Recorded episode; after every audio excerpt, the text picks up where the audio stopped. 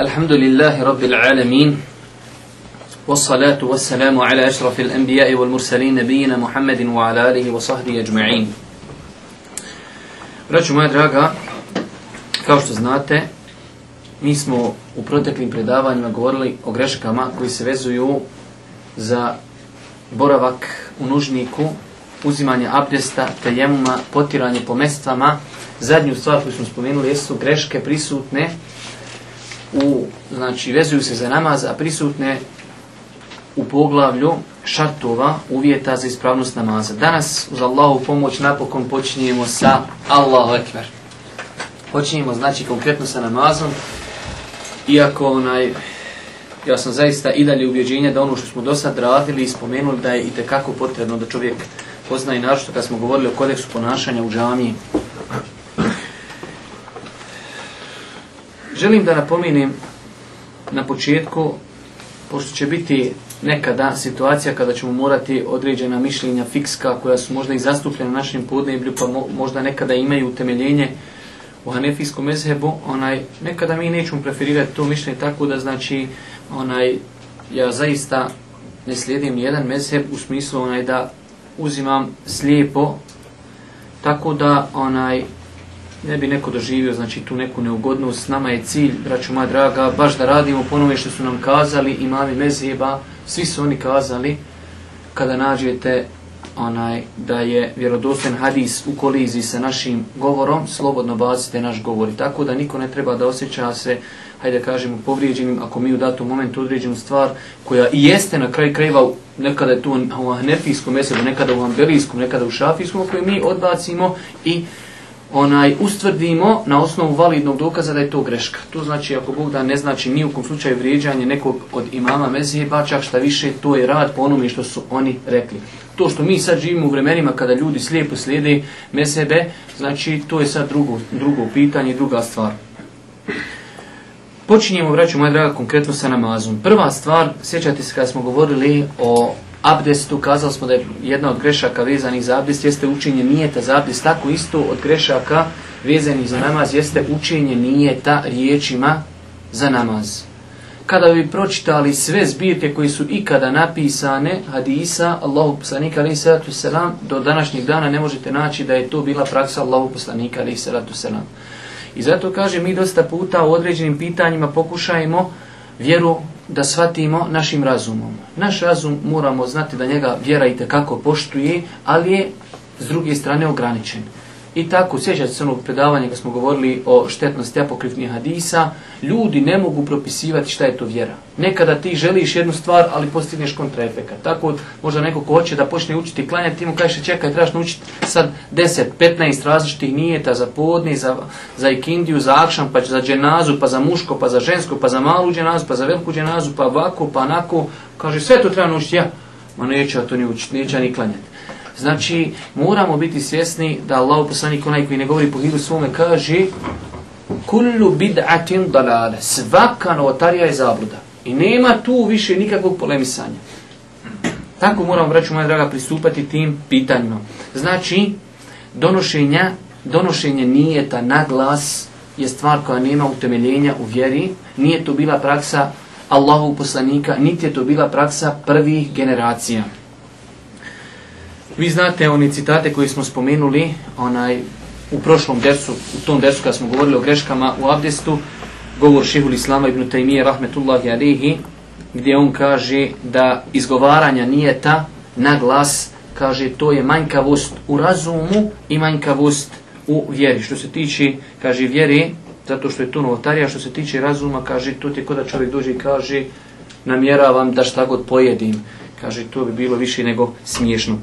U svakom slučaju, kaže Šeul Islam u jednom drugom citatu, mjesto nije taj srce, bez izgovaranja jezikom, kaže, po konsenzusu islamskih učenjaka. I nećemo se oko toga dugo zadržavati, znači, onaj, dovoljno da kažemo da nije prenešeno da je to radio Allah poslanik, niti je to ko radio od prvih generacija, što je to onaj našlo, što bi rekao, mjesta kod velikog broja ljudi koji žive u našem podneblju, to je druga stvar.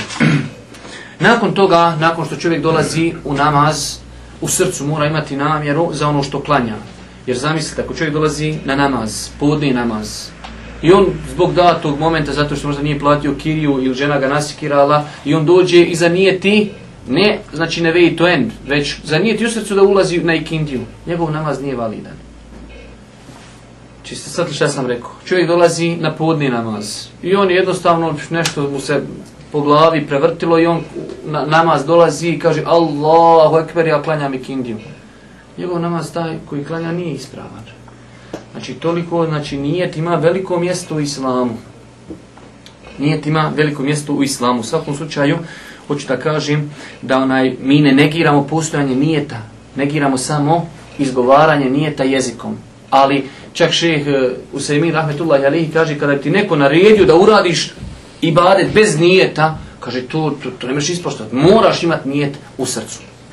Nakon toga, braćo moja draga, dolazi nam greške koji se vezuju za dizanje ruku na namazu. Ja pravo da vam kažem, nisam imao plan da nešto dugo oko toga govorim, ali evo onaj, kak se zove, spomenut samo nekoliko stvari. Mi danas, ja bi, ali eto, pošto je kamera malo fiksirana, onaj, mogu sam usta da vam neke stvari pokažem praktično, ali znači imate danas razno raznih vidova podizanja ruku u namazu. Pa ćete vidjeti neko podiže ruke ovako. Neko podiže ovako. Neko podiže ovako. Neko podiže ovako. Neko podiže ovako. Neko podiže ovako.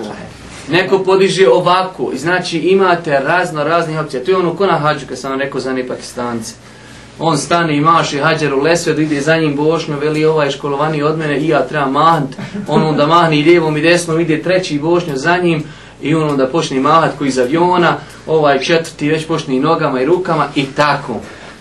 Znači ako pogledate u praksu Allahu poslanika ali i salatu wasalam, imate dvije stvari. Prva, da je dizao prste ispružene. To kad neko diže ovako, ovako, ovako, to nima znači ništa. Ovo je sunnet. Ali smo rekli, znate, sjećate se na početku onog našeg dersa, samo jedan sunnet ako propustiš, samo jedan sunnet propustiš, namazi puta 40 godina, pa onda dobiješ milijone.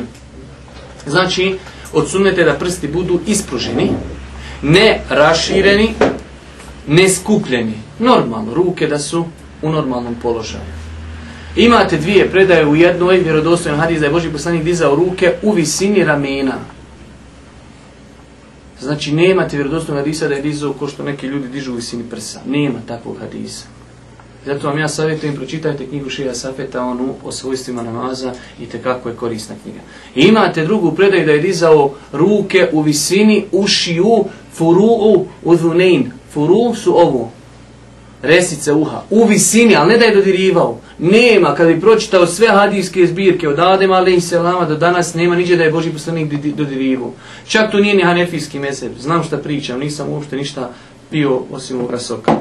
Znači, hanefijski mezheb knjige koje su izdiktirane, koje su upisane znači, od početka u hanefijskom mezhebu, nije to bio stav hanefijske pravne škole da se dodiruju resice tamo neka 3 4 stoljeća nakon onaj kako se zove toga su došli ti ajde reknemo malo onaj mlađi učenjaci nefijske pravne škole koji su kazali da se dodirivaju ovi resice, ali znači oni stari knjige koji, iz kojih se uzima mezeb nefijski, onaj ne naglašavaju da čovjek prilikom dizanja ruku, onaj kod početnog tekbira treba da dodirne ovi resice. Znači, Ispravno je da čovjek diže ruke ispruženih prstiju u visini ramena i u visini ušiju. To su dva vjerodostojna na Hadisa. Sve mimo toga, dizanje ovako, dizanje, čak ljudi dižu i ovako ruke, znači ovako, okrenu tamo. Sve je to, braćo moja draga, onaj neispravno. Ne u smislu neispravno da njegov namaz je neispravan, takav način nije od sunneta. To je onaj kratko kazano. Nakon toga ruke se vezuju u namazu, Prvo time negiramo ispravno stava onih koji klanjaju spuštenih ruku. Znači, kada bi pročitali sve hadijske zbirke, ne možete naći samo jedan hadijs da je Boži, klanj, Boži poslanik klanjao spuštenih ruku. Tako da oni koji klanjaju tako, znači u tome nemaju nikakve osnove i nikakvog dokaza. Bez obzira, može to neko kazati, to se pripisuje imamu Maliku, danas je to osobenost Rafidija ili Šija, nas to ne interesuje. Znači, nama je bitno da to nema utemeljenja ni u jednom vjerodostojnom hadisu, da je Allah poslanik klanja spuštenih ruku. Ko klanja spuštenih ruku, ako ispune mu se svi ostali uvjet, njegov namaz ispravan, zato što je vezanje ruku ili na prsima ili na puku, gdje već budemo, znači, kazali, je sunnet. Znači onaj ko spusti ruke, klanja, propustuje samo jedan sunnet, a njegov namaz je u tom pogledu ispravan. E sad da li on ispravan abdestio, da li se okupo, da li nije, ali znači u tom pogledu, ako samo propusti taj sunnet, njegov namaz je, ako Bog da, ispravan i validan. Imate više hadisa, znači vjerodostojni, gdje je Allah u poslanike, ali se ratu se vam prvo govorio da je naređeno poslanicima, i njemu i priješnjim poslanicima da stavi desnu ruku po lijevoj namazu. Imate znači mm. praktično kada sahabi opisuju njegov namaz, je opisuju da je on kada bi klanjao stavljao bi ruke onaj desnu po lijevoj. Imate, rekao sam, možete pročitati še i safeta u knjigu u tom pogledu, znači imate tri načina vezanja ruku koji su inša Allah sve tri onaj prenešeno i rodoslovnim hadisima. Jedan je da se stavi znači dlan ovdje, evo ovako znači da se pokrije jedan dio ovaj šake, ovdje je zglob i jedan dio ovaj podlaktice. Otprilike ovako, imate drugi način ovdje da se stavi ruka i treći način ovako. To su tri načina kako se ruka može vezati, a sve mimo toga stavljati ruke na srce, hvatati se ovako ili kako drugačije ljudi već radi, znači su stvari koje nemaju osnove u sunnetu Božih poslanika, ali i salatu wasalam. Znači, podigli smo ruke, preskočili smo nijet, ona izgovaranjem jezika, svezali smo ruke i dolazimo do izgovaranja riječi Allahu Ekber. Kaže imam Ennevovi pohvalno je da čovjek izgovori tekbir brzo. Allahu Ekber sa teštidom na slovu L. Allahu Ekber. Pogledajte sada neke greške u izgovaranju i koliko to mogu biti katastrofalne stvari. Ako čovjek otegne, doda dužinu na početku i kaže, ne do Allah, Allahu, a toga imate koliko hoćeš na izvoz. Zato što ljudi ne znaju. On tamo slušao neđe neke pjevače i on hoće da bude pjevač, i, ali nekako negdje u vam opet u džami. I onda on rastegne i gdje treba i gdje ne treba. Znate šta znači Allahu? E Allahu e Allah, ovo e u arapskom je upitna čestica. Je li Allah najveći ispadni? Tako rekni. Ško rekni Allahu Ekber pita, je li Allah najveći?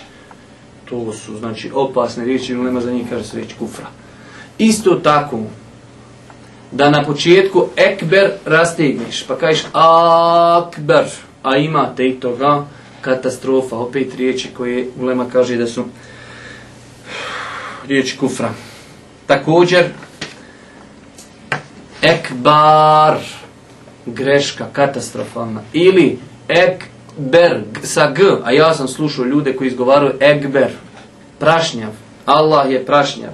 I tako, znači, izgovor riječi se ispravno izgovara Allahu ekber. Bez filozofije ikakve, rastezanja, otezanja. Znači, kao što kaže imam, ša, uh, imam en neovi upoznatljoj knjizi El Međmu'u, sunnet je i pohvalno je da se riječ Allahu Akbar na početku namaza kaže kratko, sa teštidom normalno. Allahu Akbar, to je ispravno izgovaranje i vidjeli ste, a vidjet ćete isto u toku učinja fatihe kako čovjek može napraviti katastrofalne greške. Kada se donosi, malo ćemo, danas vidjet ćete, pošto moramo tako, namaz pojedinca, namaz džemata. Imate, znači, to je i jeste stav Hanefijske pravne škole, da imam u džematu kada klanja, kad mu jezin kaže kad kameti sala, da on već kaže Allahu Ekbar. A ovaj nastavlja dalje sa ikametom.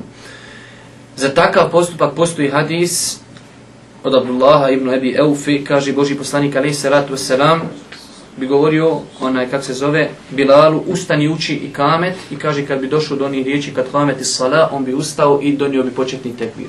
Ali taj hadis, braćo moja draga, je daif džiden.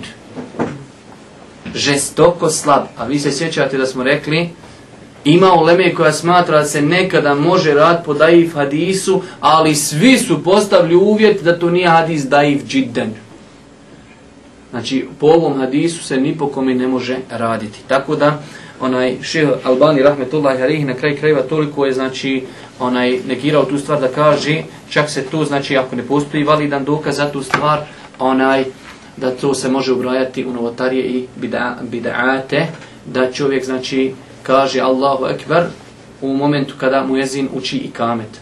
S druge strane, preskočili smo jednu veliku stvar, a to je posle i kameta se ravna i safa. Kada ljudi se prouči i kamet, onda se imam okreći ljudima kaže poravnaj, popuni naprijed, nazad, popuni ostali safove pregleda i tek tada se donosi početni tekbir. Tako znači na takav način onaj preskočili smo ravnanje safova, a vidjeli ste kakvi hadisi imaju žestoke kazne za nepopravljanje safu da Allah poslanik kaže ili ćete vi poravnati safu ili će Allah razjedin vaše srca. Tako da znači na taj način ako bi donosili tada početni tekbir, znači izostavili bi ravnanje safova što je i te kako opet opasna stvar. Također, braćo moja draga, dolazimo do učenja Fatihe. U Fatihi znači ima mnogo grešaka, pogotovo kod nas bosanaca koji ne znamo arapski jezik, ja ću spomenuti samo nekoliko grešaka. Prva stvar koja je greška, ali nije teška, samo je izostavljena sumnja, to je da se uči ajet po ajet. Znači velik broj ljudi koji predvode drugi u namazu uči tri, četiri ajeta odjednom. Alhamdulillahi rabbil alamin arrahman arrahim i maliki jaumiddin. Tri ajeta odjednom. A neko čet, neko pet, neko šest, neko sedam. Shodno koji nama se klanja kod teravija, onda sedam i još jedan ajet iz jasina i sve to udahu i leži Allahu ekber i na rukom. Znači, onaj ispravno je sunnet je kao što kaže Ummu Seleme Allahu poslanik bi rekao alhamdulillahi rabbil alamin pa bi stao arrahmanir rahim pa bi stao malik yawmiddin pa bi stao i tako ajet po ajet znači to je sunnet nema smeta čovjek spoji u smislu namaz je i dalje ispravan ovo je greška koja ne utiče na ispravnost namaza ali je nažalost sunnet koji je i tekako zapostavljen kod velikog broja ljudi u današnjem dobu. Također, braću moja draga, imate vezano za, za fatihu izgovor određenih riječi. Naprimjer, kada to je primjetno također, kod velikog broja ljudi koji predvode druge u namazu, i jake nabudu. Jeste štida na slovo j. I jake nabudu, samo tebe gospodar obožajem. Kad kažeš i jake nabudu, bez te štida, kažeš iak je u arapskom svjetlost, zrak sunčeve svjetlosti. I onda kažeš mi obožajemo svjetlost sunčanu. Ako sam ne rekniš teštid, ti fino svaki dan klanjaš i vidit ćeš upofati sunce, obožajemo, ko, ko oni što krave obožaju. Znači, čovjek nije svjestan šta može sve napraviti od aferima. Također, kod nas bosnanaca nema slovo H u našem jeziku, pa ćete vidjeti Elhamdulillahi Rabbil Alamin. Nije Elhamdulillah, već je Elhamdulillahi Rabbil Alamin sa teštidom na slovo B, Rabb. Ar-Rahman, Ar-Rahman, nije Ar-Rahman, nije Ar-Rahim, već je Ar-Rahim, H, stisnuto grla.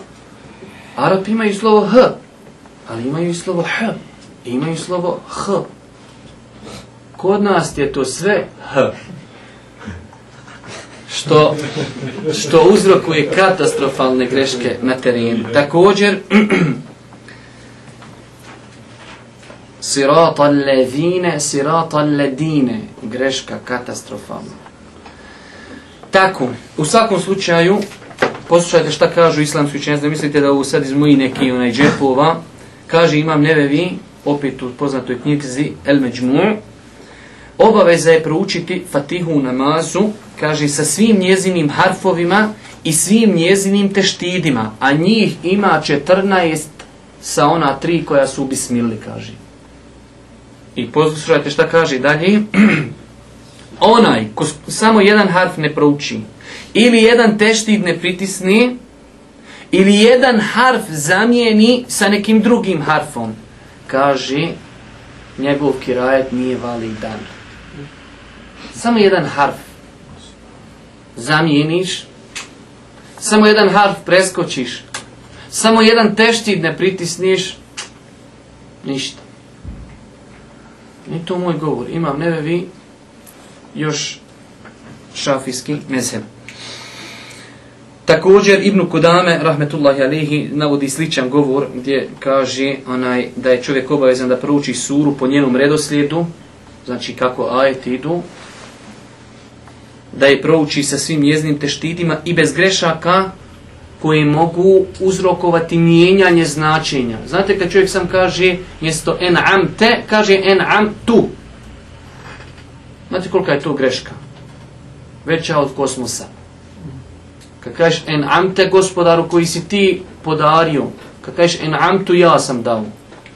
I tako. Znači samo jedna greška. Tu i te.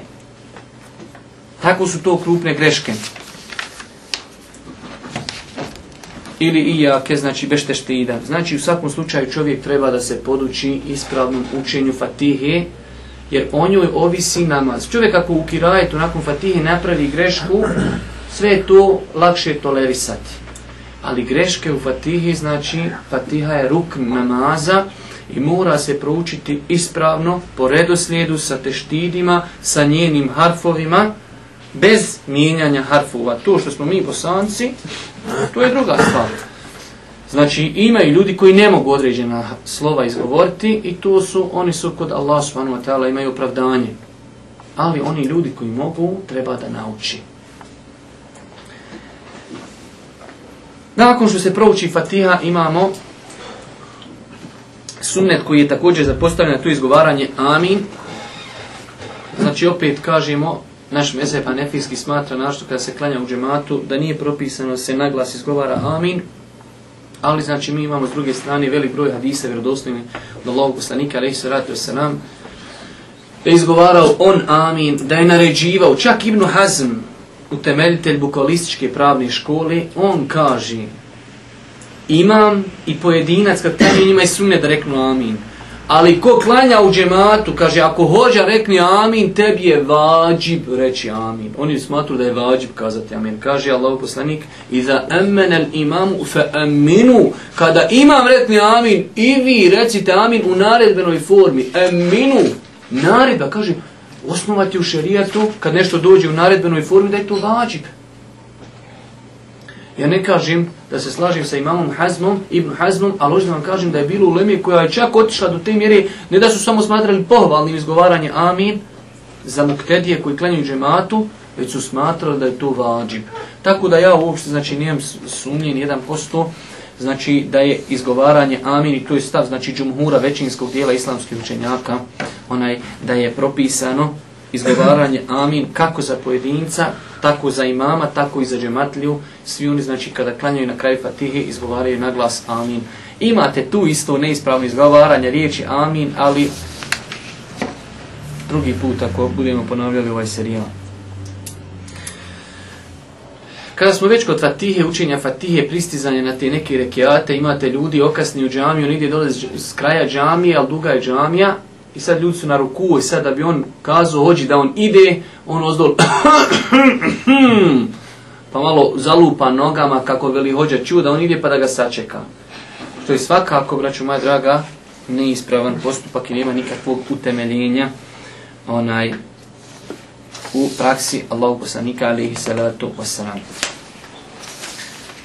Također, od grešaka koji se vezuju, znači to je onako uzgred spomenuto, onaj brzo učenje Kur'ana i previše kratko učenje Kur'ana u namazu. Pošlajte samo u vjerodostojnu predaju koja se vezuje za Ramazan, teravih, namaz. Kaže se, ashabi,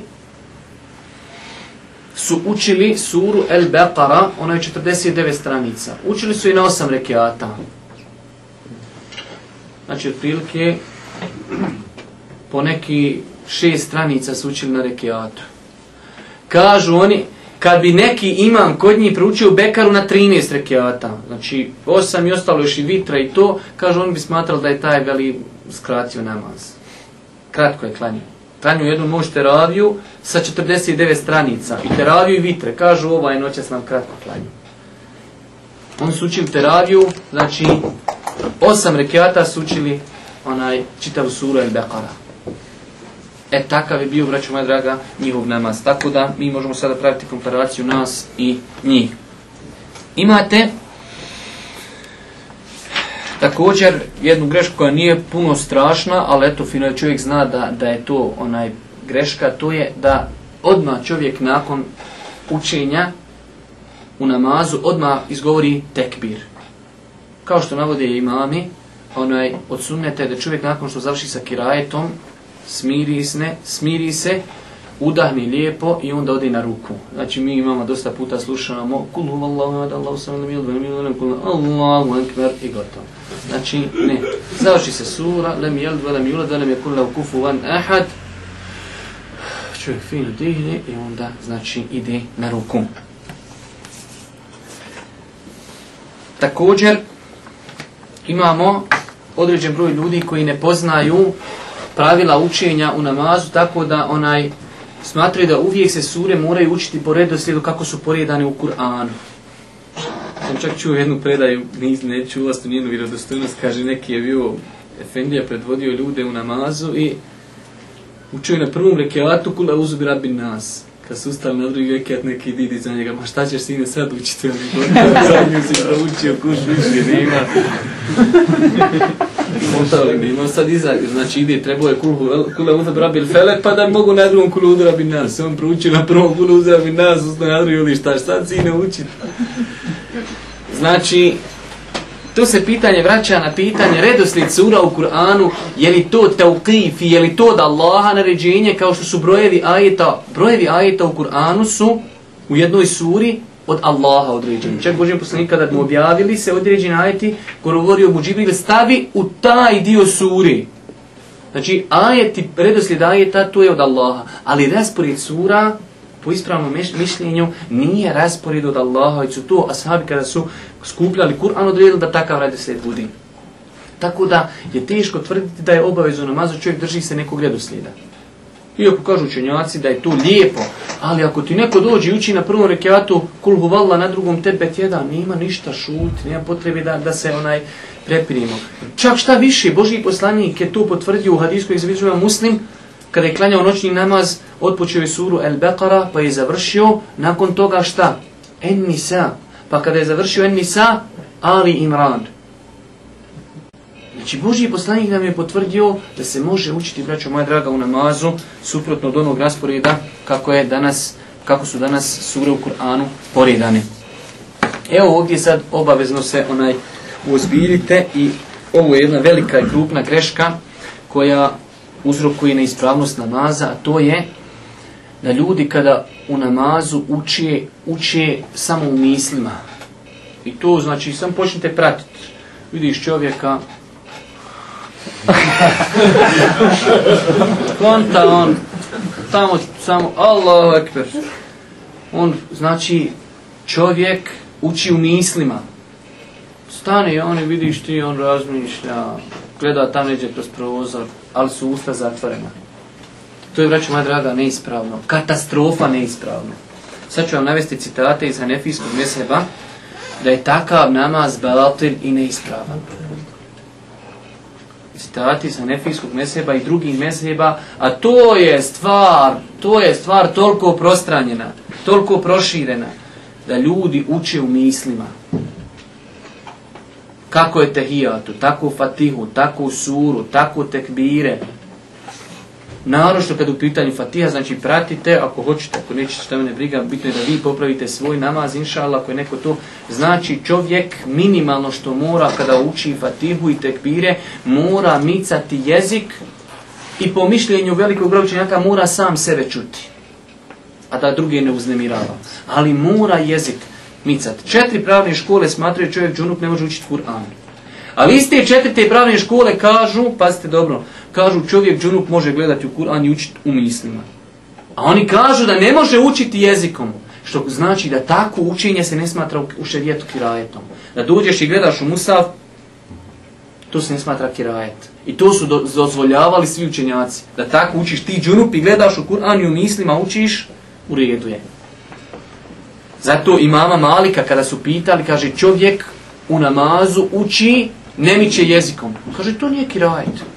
Možete to brojati kirajet. To nije kirajet. Evo sad ću vam spomenuti citate. Znači, ima Malik kada je upitan o čovjeku koji uči, ne čuje sam sebe i ne pomiče jezik. Kaže, lejset hadihil kirajetu innemel kirajetu ma hurrike lehu lisan. Kaže, to nije kirajet. Kirajet je ono, kaže, gdje čovjek miče jezikom kada uči. Ovo je, znači, braću moja draga, greška na koju moramo obratiti mnogo pašnjih Imate citat, znači poznata knjiga Bedaju se naj od Hanefijskog mesebu od poznatog učenjaka, učenjaka Kasanija. On također kaže Kirajet je kirajet, onaj kirajet u kojem čovjek miče jezik izgovarajući harfove i kaže zar ne vidiš da čovjek koji je u mogućnosti da klanja, znači da izgovara harfove i ne pomiče, kaže jezik, kaže la te džuzu salatuhu, njegov namaz nije ispravan, ne, ne, to je onaj, nije ispravno tako klanjati. Nije dozvoljno tako klanjati. Znači, to je citat, braću moja draga, iz Hanefiškog dijela. Tako da onaj, nećemo se puno tu zadržavati. Čak je postavljeno pitanje, onaj jednom učenjaku današnjih duva našao sam fetu gdje ljudi pitaju kaže znamo danas imam tako klanja tamo u arapskom svijetu kaže ne miče jezikom kaže nemojte klanjati za njim njegov namaz isp ne ispravan ne može za njim nije ispravno klanjati znači opasna stvar a nažalost kažem opet rasprostren pogotovo čovjek kad ima poru, poročni problema malo se zamisli balan on drugi ćemo put Znate za onoga, kad su se jedne prilike ra, ra, razi, razišli ljudi, koliko je imam klanju, dva ili četiri rekiata. Man, kaže, znam ja dva je sigurno, veli, ja svaki dan na posao putujem u namazu. Danas sam veli prije vremena stigao. Također, od grešaka u namazu, koji nisu toliko krupne, ali su ona, sigurno umanjuju nagradu čovjeku, a to je bespotrebno okretanje u namazu razgledanje. To je katastrofa. Znači, naši bi ljudi da budu u džamiji i da znaju sve šta se dešaje oko njih i ko je ušao i ko miče prstom i ko ne miče i ko šta priča, znači sve živo.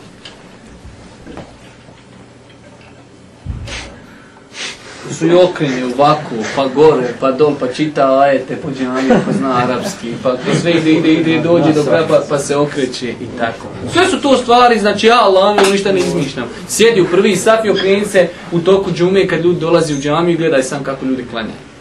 Ništa ovo ja ne izmišljam. Boži poslanik kad je upitan o okretanju namazu, kaže ihtilasun. To je, kaže, tajno potkradanje namaza od strane šeitana.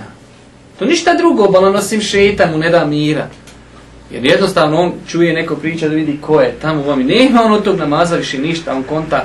U nas u Sanskom mostu jedan došao čovjek i dvojica sad sjedi kraj njega pričenu prije namaza, on sad požuju da sklanja onaj kak se zove i sad on došao na ruku, tamo on otprilike kod nje, ono, oni su tako neđe u visini kaže njima on, ostanite na koju kraju, sad ću vam čekaj, imam ja potom pitaj nešto reći, ali sad čekaj, sad ću vam, ostanite kraj na koju Znači, on prati šta se deža i tu sa strane, kakav namaz, kakvi montirava, čekaj, ostanite na koju ste, sad ću. Hadis ovaj, znači, je vjerodostojan, kojeg zbližujem Buharija, da je Allah poslanik Ali Sadat Salam kazao, jehtalisuhu šeitanu min salatil abd, to je, kaže, tajno podkradanje šeitanovo od kojeg on krade od čovjekovog namaza. Tako da onaj, većina islamskih čenjaka Džumhur Leme smatrao je da je, znači, pokuđeno da se čovjek samo onaj okreći u namazu, normalno, ako nima za tim potrebi.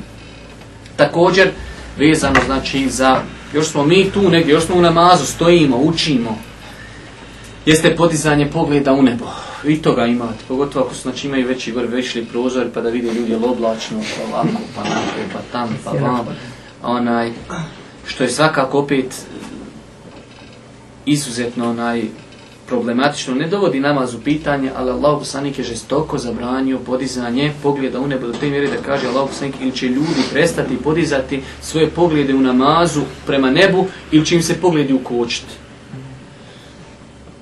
vidjet ćete večera ćemo imati neki par primjera da vidite kako te neke stvari za koje ljudi se prema njima olako odnose, da se mogu desiti.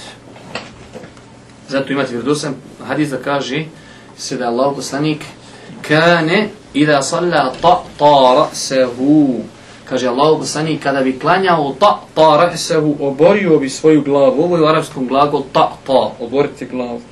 I kaže gledao bi u zemlju. Tako Boži poslanik klanjao. Znači, ne samo da bi ovako stajao i gledao u zemlju, ne. Čak bi pogjelo bi glavu i gledao bi u zemlju. I to je onaj ispravno. Znači, u svakom slučaju, zabranjeno je, braću moja draga, podizati pogled u nebo. Također, od grešaka jeste, braću moja draga, malo se opet vraćam u namazu džematu, preticanje imama. Opet stvar i te kako zastupljena, a i te kako strogo zabranjena, Mi nećemo večeras govoriti o tome da li to kvari namaz, da li ne kvari, kad kvari, kad ne kvari. Znači minimalno ako bi čovjek pretekao imama sa izgovaranjem Allahu Ekber, njegov namaz nije validan. Ljudi, jel nešto... Šta je, šta se raspričali? Ne, ozbiljno, ako nešto treba, onaj, nešto ja ne mogu tako. Nema teorije. Uradiš uvijek. Znači, braću moja draga, zabranjeno je strogo haram je preticati imama u namazu. A vjerujte da čovjek sam kad bi razmišljao kako je to smiješno što čovjek preći imama u namazu.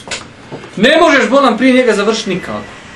Ku žuriš? Taman kogoda potiraš ti opet moraš sa njim predaselam. Koja ti je korist što ga pretekniš? Sam ti je korist da ne do Allaha možeš potpast pod zabranu koja je, vidjet ćete kakva je.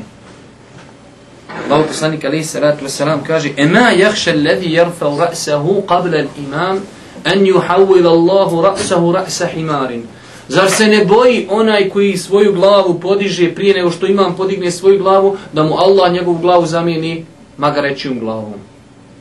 U drugom rivajet kaže, ja sam vaš imam, nemojte me preticati u odlasku na ruku, niti u povratku sa rukua, niti u odlasku na seđdu. Kod nas ljudi nauče klanjati za jednim imamom, dođe neki drugi ga zamijeni, malo sporije klanjati. I on uči, sam je Allahu limen hamide, i ovaj sad gore stane i on hoće jednih da dihne, možda neki stari, možda ima problema sa hasmom, i on stane gore, dihne, ovi već svi prije njega, uf, odletili. Zato što naučili kaj, nema tu komande, znači tu se klanja automatski. Nema tu automatski, klanja se po komandi. Tako da, onaj opasno je, vraću, moja draga, preticati imama. Poslušajte ovu priču koju je zabilježio Hafiz ibn Hajar, vjerodostojna priča. Kaže, u Damasku je bio čovjek koji je učio hadis kod jednog od svojih šehova. Zapisivo je hadise kod njega. Ali, kaže, bio je sistem takav da je učio kod njega hadise između zastora. Njih, između njih dvojci bio zastor i ovaj mu je diktirao hadise tako.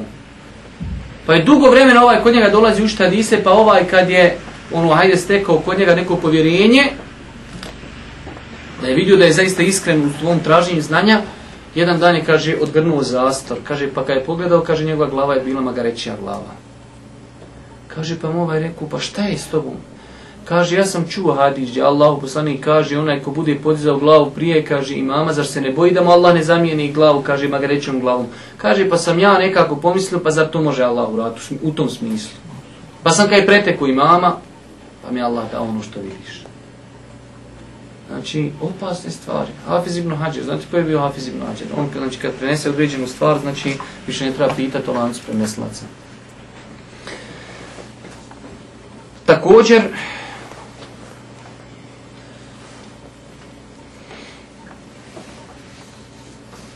od grešaka, braću moja draga, koji su prisutne, jeste suprotno tome kašnjenje. Imate oni, pod navodnim znacima, malo više pobožnih ljudi, I hođa na seždu, on na seždu. Hođa se vrati, on i dalje dole. Zikri, zikri, zikri, zikri. Hođa ošao na seždu, on se još nije vratio. Dragi brate, muslim, pobožan si, kod kuće, fino naviješ sebi sat u 12, naveći na seždu i do sabaha. Pa ti malo, ustaneš drugi dan od jaci, na seždu pa do sabaha. Allah mi, što, nema veze, ima i takvi pobožni. Nije džamija i klanjanje za džematom za toga. Kaže Allahu poslanik innema juilal imamu li yutamma bihi. Imam je poslan se za njim povodite. Kad imam kaže sežda sežda, kad kaže ustaj ustaj. Nemoj ga preticati, ali nemoj ni kasniti za njim. Čak ima u Leme koja o tome govori, znači nisu to stvari zasnovane na hadisma, koji kažu čovjek ako okasni više od jednog rukna, da mu je namaz pokvaren. Če znači, koji hođa, preteku te jedan rukn i odi na drugi rukn, a ti još nisi otišao, slijediš ga, pokvaren ti je namaz ima u lemi. Znači, opasna stvar, ne može da čovjek kaže, ba ne, veze, mogu ja kasniti. Ne može se ni kasniti, ne može se ni preticati. Znači, sve ima u šarijetu, braćo moja draga. Nema tu ništa po našem navođenju. Imam je, postavljena se slijedi. Tako da, znači, i tu stvari treba posvijeti pažnje. Ibnu Kefir, rahmetullahi alihi, također navodi jednu interesantnu predaju, vjerodostojnu, vi ste čuli, mi smo govorili, čak ja mislim i ovdje jednom malo opširnije o Sa'idu ibn Musayyibu, poznati tabi'in, jedan od velikih prvaka u, u generaciji tabi'ina, On jedne prilike bio u džami i klanjao i pored njega je klanjao Jusuf ibn Hadžađ. Vi znate koji je bio Jusuf ibn Hadžađ. Pa je Jusuf ibn Hadžađ klanjao do njega i u namazu je preticao imama. Kad je završio namaz, Sejd ibn Musaib ga ufatio za prsa i držao ga dok nije sazikrio. Ovaj se otimuo, ali kako je njega držao dok nije prvo sazikrio. Kad je sazikrio, kaže, oni se na njega izgalamio, izderu, propalico jedna ovu, pa zar ne znaš kako se klanja, nemoj da prećiš više imama gore dole i pustio ga. I on je otišao, a još do tada on nije bio namjesnik. Nakon toga je on dobio funkcije. I on je jedne prilike išao iz ti neki vojni pogoda i naiđe u Medinu. Nakon što je dobio funkciju, dođe u Medinu, u džami Božih poslanika, sedi mu mu sebi, sedi u halki, ljudi oko njega uče, kad su ljudi ugledali, evo ga, gotovo. Hađa Ađibn Jusuf je bilo odrezat nekom glavu, isto nekom iz čucnice. Ništa, znači... I on je krenuo prema njemu, kada ljudi se prepali, veli, gotovo, nema, ode se Kaže, došao on kod njega, kaže, jesi li ti onaj što je mene onda ufatio za prsa, kaže što mi je to rekao, a kaže on ga, kaže, tuhne ponovu prsa, jesam ili ja sam. Kaže, e, Allah te nagradio, kaže, od onda nikad više nisam pete koji imam, Allah te nagradio, jesi mi, kaže, na savjet i okrini se joj. Onaj, preticanje, znači još da vam kažem da je preticanje imama bilo poznato i u prethodnim generacijama. Ali to nije nikako opravdanje. Ko što danas kod nas određeni ljudi kad odgovaraju na neke fetve i pitaju ga ljudi kako se spaja saf, kaže, a ovo kod nas dobro.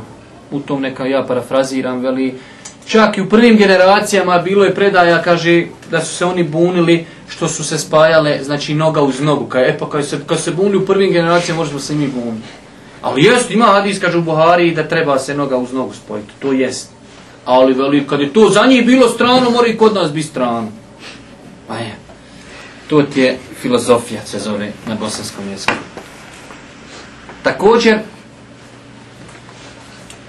od stvari kojima treba obavezno posvjetiti pažnju, braćo moja draga, pazite, ovo je opet greška koja uzrokuje neispravnost namaza. Znači, znači ovi koji su malo žešće, treba podvući sa tri žute. Čovjek je okasni u džamiju, i ugleda on hođu na ruku i sad onda požuri da stigne imama na ruku Allahu Ekber i pola riječi Allahu Ekber izgovori padajući na ruku. Njegov namaz je neispravan. Ponovit ću vam još. Ništa, ne moš ništa. Jedino koš u WC, a što mene pitati ništa ne moš. Znači, čovjek je došao u namaz, početni tekbir se mora izgovoriti potpuno u stojećem stavu. Ne smiješ harf jedan izgovoriti u početku padanja. Moraš stati kad Allahu akbar i onda se početi. Ako izgovoriš samo riječ, onu slovo harfa, r, ekber, r, i kreniš dole.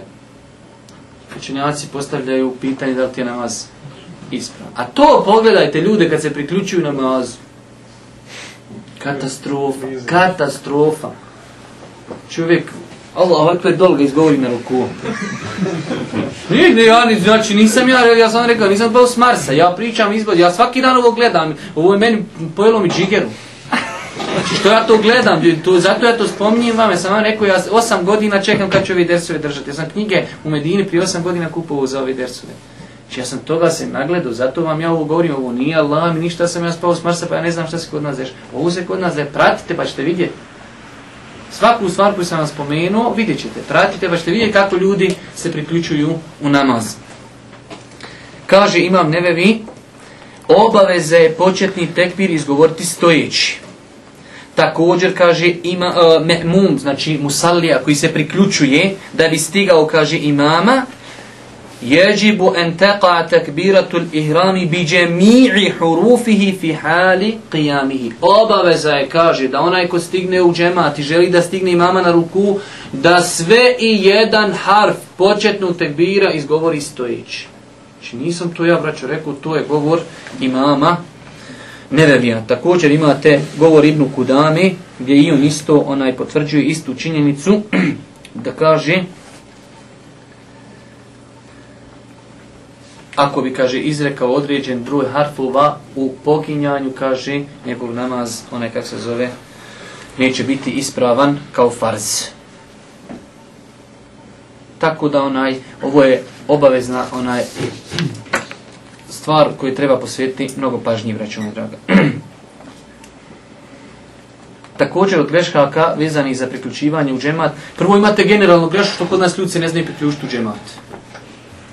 Ja sam gledao kako hoćete puta slučajeve da čovjek vidiš dođe kod tebe okasnio je dva rekiata ispreda on sođom selam i sjedi.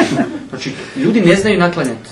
To je prva najveća katastrofa. Znači, ljudi ne znaju se priključiti matu. Ili sam gledao ljude svojim očima dođe I ja ne znam na osnovu čega sad on, ali on jedno dva rekiata zaće sklanja i onda se on kao priključi džematu i on zajedno džematom preda se nam. Allah vam ja gleda svojim očima, do mene čovjek dođe on, na osnovu on čega sad skonta koliko li on treba naklanjati, ili čovjek cijelo vrijeme klanja, on nešto požuruje da i, on, i na kraju on je tahijatu i on zajedno preda se nam. Ni klanju sam, ni klanju svođu, ništa čovjek, neispravno daski. E, jedna od grešaka, ali ona je manja, greška ne uzrokuje neispravnost na faze, jeste da ljud koji znaju da se ima, da bi stigao na ruku, može, moraš ga stignuti na, na ruku, da bi stigao taj rekiat. I on vidi hođa je na seđdi ili sjedi na etehijat i on sjedi, veli da nazove mamu, imam vremena, sad dok on ustani gore.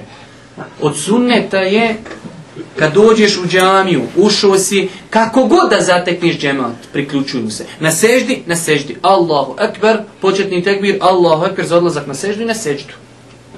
Po dobrom mišljenju. Ima mišljenje da sam dovoljno kažeš Allahu akbar, početni tekbir, ideš bez tekbira na seždu. Hele, nise. Ali pojinta, kako god da stregneš, stigneš imama, na ruku, na seždi, stoje, tvoje da se priključiš. I to imate o tom i vjerodostojno hadis Allahu poslanika li sa sam kaže, znači priključite se džematu onaj kako god da nađete džemat. Također neispravno je o tom i smo jednom govorili, ali evo opet ćemo samo potvrditi zbog onaj koristi dodatne, a to je čovjek koji dođe u džemat i zatekne da je saf potpun, neispravno je nekoga iz safa uzimati da stani s tobom napravio se znači prekršaj to je napravio se grešku napravio se rupu u safu tako da znači čovjek koji dođe u džamiju i zatekne saf da je pun staće klanje sam ako ima mjesta u safu on klanje klanja sam po mom mezhebu namaz moj neispravan božji poslanik imate dva vjerodostojna hadisa da čovjek vidio koji klanja sam i kaže ustani i ponovi namaz svoj To u slučaju kad ima mjesta u safu, klanja sam. Ali ako nema mjesta u safu, onda kažemo la yukellifullahu nefsen illa wus'aha, Allah ne duži insana osim koliko koliko šta će ti sad? Ne treba sad nekoga ako onaj pakistanac, onoga ovako malo klimnom se okrene, potegne ga i on uleti u njegovo mjesto. Ste gledali to na YouTube? On njega kucne, ovaj se okrene, šta je, on njega potegne nazad i on ob, umđe na njegovo mjesto. I onda ovaj njega udari što Znači to je, nema to, šta šti, znači nema, došao si pun je saf, staniš sam i klanjaš. Ali ako ima mjesta, obaveza ti je da staneš i ako tada klanjaš sam, tamo ste ne ispravo. Imate dva vjerodostljena, gdje se da Allah poslanik vratio ljude, kaže, klanjaš sam, ustani ponovo klanjaj. Također, od manjih greškica u namazu, malo i nekulturnih, ali eto, jeste nesuzdržavanje od zjevanja u namazu. Yeah. Onako, onaj ruči tamo, onaj ruči vamo, onaj ovako, onaj nako. Znači, Boži poslanik Ali Selatu Selam je preporučio, pogotovo u namazu, da čovjek da se strpi maksimalno. Da se strpi maksimalno kada mu dođu onaj potrebe za zivanjem. Kaže Allah poslanika alaihi salatu wasalam Ida te fa ebe ahadukum fi salati fel jakumud mesta ta fa inne šeitane jatmur Kada nekome od vas dođe potreba u namazu da zirne, kaže neka se maksimalno strpi, neka se znači ne odazove, neka se ne odazove tom protjevu. Tako da je to onaj, svakako onaj zapostavljena stvar, tako da ćete vidjeti pogotovo sabah ljudi ne naspavan, drimovni oni koji prate te najveće serije, filmove, utakmice, a to zjeva čoveče, ko da je pojio kilo girmi.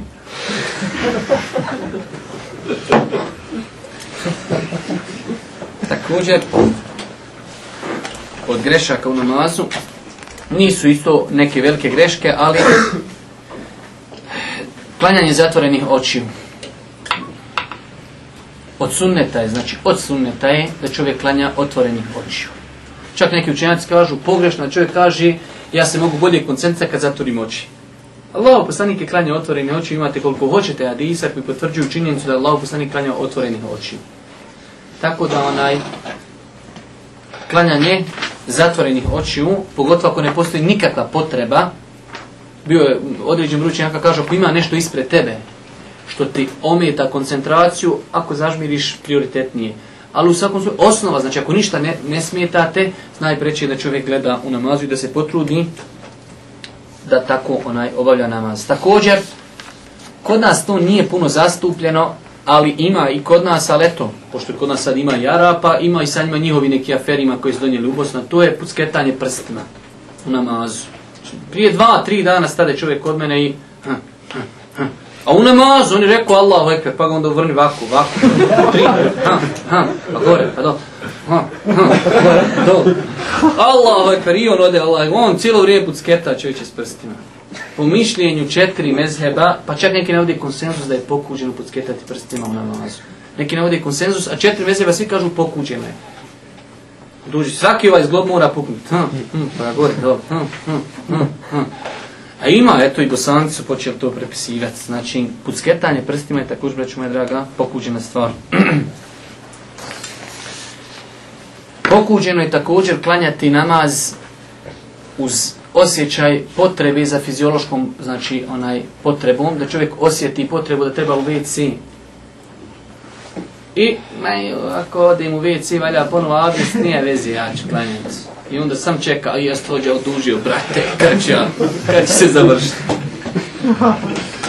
On ruči, kulu vala, ali što nije ina je tajna ova moj predmet. To, bilo je mrsko, obnovu ta abdest. Šeo nisam imu tajnije, pazite, pogledajte šta znači fik. Kažu šeo nisam imu tajnije, čovjek ima abdest, ali osjeća potrebu za WC-om. Ali nima vodi, Ako izgubi abdest, klanja će sa tejemumom. Šta je preći? Da klanja kao sa tom potrebom ili da klanja sa tejemumom? Poslije, znači, izgubi abdest, ode, ona izgubi abdest i uzme tejemum. Kaže, svakako da će klanjati sa tejemumom. Jer, kaže, nikad niko od ulemije nije rekao da je pokuđeno klanjati sa tejemumom ako nemaš vode. To nije pokuđeno, to je obaveza. Ali, kaže, velik broj ulemije, čak zahirijski mezeb, ovaj bukvalistički, oni kažu, namaz ne ispravam ko klanja sa potrebom. Unijet je sve, nema unije, unije crno-bijelo, unije sve crno ili bijelo. Zato se zovu bukvalistički, oni su svake hadise uzimali bukvalno. Boži poslanika je zabranio. La salate. Nema kaj namaza onome koji ima potrebu za WC-om. Završeno, nema namaza. Većina džumur leme kaže namaz obavljen, tako je pokuđen. Zato znači, onaj ispravno, graću madra, čovjek ima potrebu, onaj fiziološku, da čovjek odi da abdesti, da onaj znači obavi potrebu. Nakon toga, ako ima vode abdest, ako nema uzet ćete njemom, i znači nema potrebe onaj da se brini. Također, katastrofalna greška, ona je zaista zastupljena kod onih koji skoro ne znaju ništa ovjeri, ali prisutna, naravno kako je Allah iskušao ovaj umet sa dževali, ovim telefonima, mobitelima,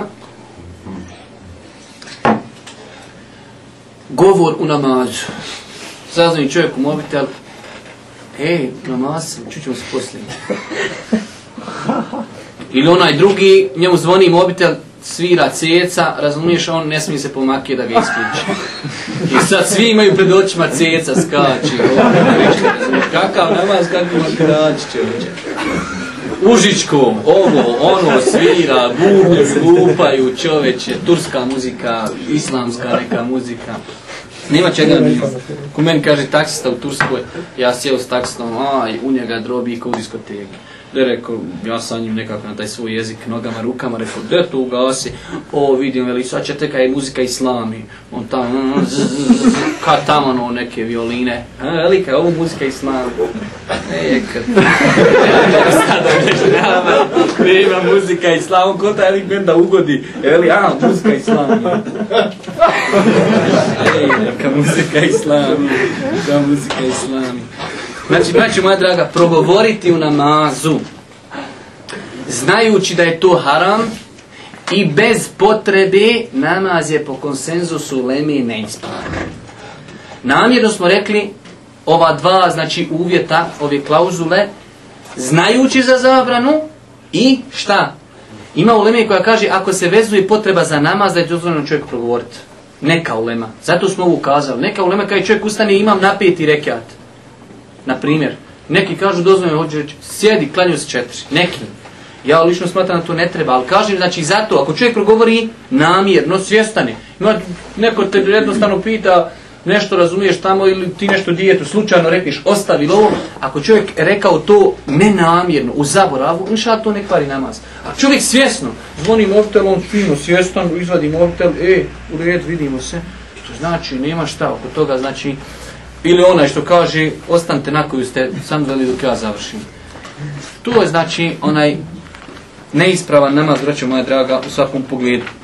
Ako bi se desilo čovjek uradi, znači da progovori riječ ili dvije iz zaborava u neznanju, inša Allah, inša Allah, njegov namaz je ispravan. Imate, znači, pitanje, baš namjerno sam skidao te neke fetve, ali eto, ne mogu vam sve to pročitati. Da li je dozvoljeno čovjeku kada nekoga pozove na mobitel u namazu da isključi mobitel, znači što Lema svakako potvrđuje da čovjeku dozvoljeno ako ga neko zove da uzme mobitel i da ga ugasi i da stavi u džep. Znači nema nikakve smetnje da čovjek uzme mobitel, da ga isključi i da stavi u džep. Čak, znači, ulema je, ako čovjek, čovjek je baš naveo, čovjek koji radio u hitnoj pomoći, kod njih znači telefon normalno ako zvoni to je upitno znači možda je neki život upitan kaže ako klanjam i začujem zvono telefona mi dozvolimo prekin namaz znači oni kažu ako znaš da postoji mogućnost da je to poziv da je neki život upitan da ti dozvolimo prekin namaz al znači u ovom slučaju kad imaš obični poziv neki ne radi se o nekom ljudskom životu tada niš prekidat namaz i čak nije ti ispravno prekin namaz zabranjeno je samo ćeš znači isključiti svoj mobitel staviti ga u džep i nastaviti klanjati I zadnja stvar, i time ćemo ako Bog da evo i završiti večerašnje družinje, jedinje u namazu, ali konkretno mislim znači na žvakanje žvaka. Mm, mm, mm, pa balun, ljudi u namazu gledaju šta je ovo. Onaj, neispravno je, znači braću moja draga u namazu, po konsensu islamskih činjaka također, onaj, nije dozvoljeno jesti u namazu, a čak stare knjige navode da čovjeku nije dozvoljeno da stavi nešto u usta što će se u, u namazu rastopiti, znači ne mora to biti samo ono plastična hrana kao zaloga i nečega, baš slično ovoj današnjoj našoj žvaci, znači da stavi čovjek nešto u usta i u toku namaza da se to topi, da on to proguta, smatralo su da to potpada pod pojam hrani. Tako da znači današnja žvaka, onaj čak imate fetava gdje pita neko u namazu zaboravio žvaku, veli mogli pod je, jezik staviti, čeka kraj namaza, što onaj ulema svakako isto nije odobrila. Tako da onaj treba se čuvati stvari onaj kad je u pitanju namaz. Molim Allah subhanahu wa ta'ala da ono što smo čuli bude korisno za nas. Molim Allah subhanahu wa ta'ala da nas podući propisima naše vjeri. Molim Allah subhanahu wa ta'ala da nas učesti u ovim teškim nevenima. I na kraju subhanahu wa ta'ala da nas učesti u ovim teškim nevenima.